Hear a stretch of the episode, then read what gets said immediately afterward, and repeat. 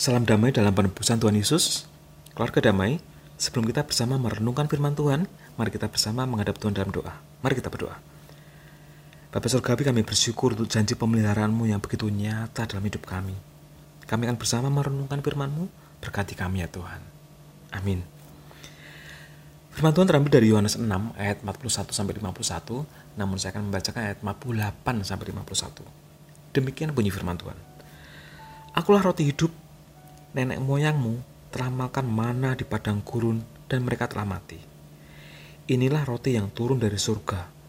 Barang siapa makan daripadanya, ia tidak akan mati.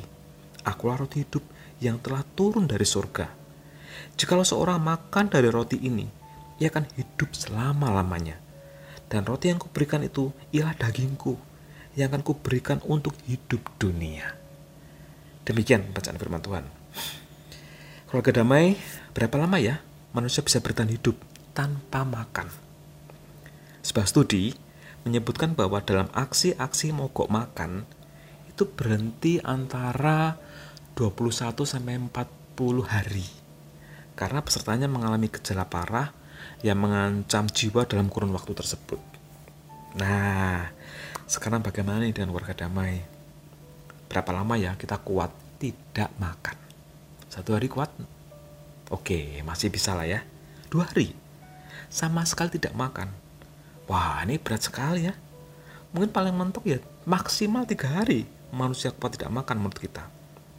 Di sini jelas sekali bahwa betapa pentingnya makanan buat hidup kita manusia itu membutuhkan makanan sebagai sumber energi dan juga untuk menjalankan seluruh sistem dalam tubuh secara optimal. Tema semasa ini adalah tentang roti hidup. Jika berbicara tentang roti, maka pikiran kita pasti tertuju pada salah satu jenis makanan. Namun dalam konteks Yahudi, roti yang dimaksud di sini adalah sebagai makanan pokok. Seperti halnya nasi ya buat kita ya. Makanan ada elemen dasar kehidupan atau sumber kehidupan. Yesus juga mengaitkannya dengan mana, bahan makanan yang diberikan kepada bangsa Israel di padang gurun. Ketika itu, bangsa Israel bersungut-sungut karena nggak ada makanan. Karena Tuhan sangat memperhatikan hidup umatnya, maka dia menurunkan mana langsung dari langit. Tidak hanya buat sehari dua hari, namun selama mereka mengembara di padang gurun Betapa luar biasa ya penjagaan Tuhan kita. Judul perikop dalam bacaan hari ini adalah roti hidup. Jika kita perhatikan dua perikop sebelumnya, yang pertama adalah Yesus memberi makan 5000 orang. Dan yang kedua, orang banyak mencari Yesus. Di sini artinya bahwa banyak orang mencari Yesus karena kuasanya dalam memberi makan ribuan orang. Nah, di perikop ini Yesus menggambarkan dirinya sebagai roti hidup. Tuhan Yesus menyatakan bahwa dirinya lah yang menopang kehidupan orang-orang yang percaya kepadanya. Kemudian di ayat 51 eh, dikatakan bahwa jikalau seorang makan dari roti ini, ia akan hidup selama-lamanya. Dan roti yang kuberikan itu ialah dagingku yang akan kuberikan untuk hidup dunia. Nah, selain menopang kehidupan, Yesuslah yang menyelamatkan jiwa kita akan memperoleh hidup kekal selamanya. Dan hanya melalui Yesus sajalah rohani kita dipuaskan. Selanjutnya, bagaimana kita meresponi roti hidup? Bagaimana kita menyambut Yesus? Yang pertama adalah dengan mensyukuri anugerah terbesar dalam hidup kita, yaitu keselamatan kekal. Dan yang kedua adalah mensyukuri nafas serta pemeliharaan Tuhan hari lepas hari karena anugerah roti hidup itu kita perlu mengekspresikan rasa syukur itu tiap hari tidak seperti orang Israel ya yang menganggap anugerah yang begitu besar seperti hal biasa saja. Hal yang ketiga dalam kita meresponi roti hidup adalah dengan hidup bergantung pada Kristus dan firman-Nya. Seperti halnya makanan adalah esensial dalam hidup kita kita pun tidak bisa hidup tanpa Yesus. Kita bergantung sepenuhnya kepadanya dan firmannya. Karena firmannya itu yang senantiasa menuntun kita, menolong kita untuk bertumbuh, memperlengkapi kita, dan menjadi penerang dalam langkah-langkah hidup kita dan dalam keputusan-keputusan kita. Dan terlebih lagi, melalui firman-Nya lah kita semakin memperdalam pengenalan kita akan Tuhan. Dan hal yang keempat adalah dengan menikmati roti hidup. Untuk kita menikmati makanan pasti kita akan mengecapnya ya, uh, dan merasakan taste-nya. Nah demikian juga halnya dengan menikmati Tuhan.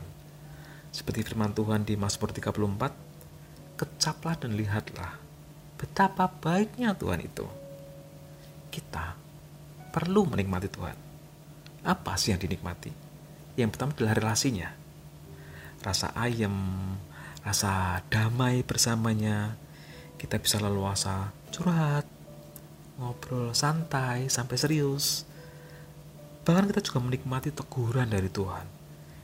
Kita mungkin bisa saja bebas menangis di hadapan Tuhan sambil menyesali dosa-dosa dan kesalahan kita. Yang kedua, selain relasi, kita juga menikmati firmannya. Ada lirik lagu pop yang saya suka. Begini bunyi liriknya. Sabdamu bagai air yang mengalir. Basahi panas terik di hatiku. Menerangi semua jalanku. Kurasakan tenteramnya hatiku keluarga damai, kita perlu menikmati sabda Tuhan. Karena sabdanya itu yang senantiasa menuntun kita, menerangi kita, menolong kita untuk bertumbuh, memperlengkapi kita, dan menjadi penunjuk dalam langkah hidup dan keputusan-keputusan kita. Selanjutnya, bagaimana caranya kita menikmati Tuhan? Ya, caranya dengan waktu teduh dan doa perlu saya garis bawahi di sini bahwa waktu teduh dan doa itu maksudnya bukan sebagai sebuah metode, melainkan sebagai sebuah relasi dan percakapan. Cara dan waktunya pun juga beda-beda. Ada yang melakukan waktu teduh di pagi hari, ada yang di malam hari, ada juga yang menikmati Tuhan sambil menyanyikan lagu penyembahan dan pujian.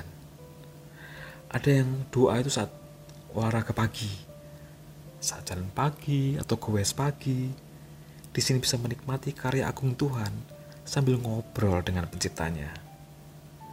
Ada juga yang saat dalam perjalanan menuju tempat bekerja, bisa bebas ngobrol, menikmati relasi bersama Tuhan, sambil menebar doa-doa untuk hal-hal dijumpainya di sepanjang perjalanan. Oh ya, pelayanan itu juga sebuah cara untuk kita menikmati Tuhan. Keluarga damai, apa pun caranya, kapan pun waktunya, penting sekali untuk kita menikmati Tuhan. Mari menikmati Tuhan dengan cara terbaik kita, karena Dia selalu ada untuk kita dan tidak akan pernah meninggalkan kita. Tuhan selalu mendengarkan dan melihat kita. Mari, keluarga damai, kita sediakan waktu untuk membangun hubungan dengan Tuhan Sang Roti Hidup hingga kita makin mengenal karakternya, keadilannya, dan cintanya.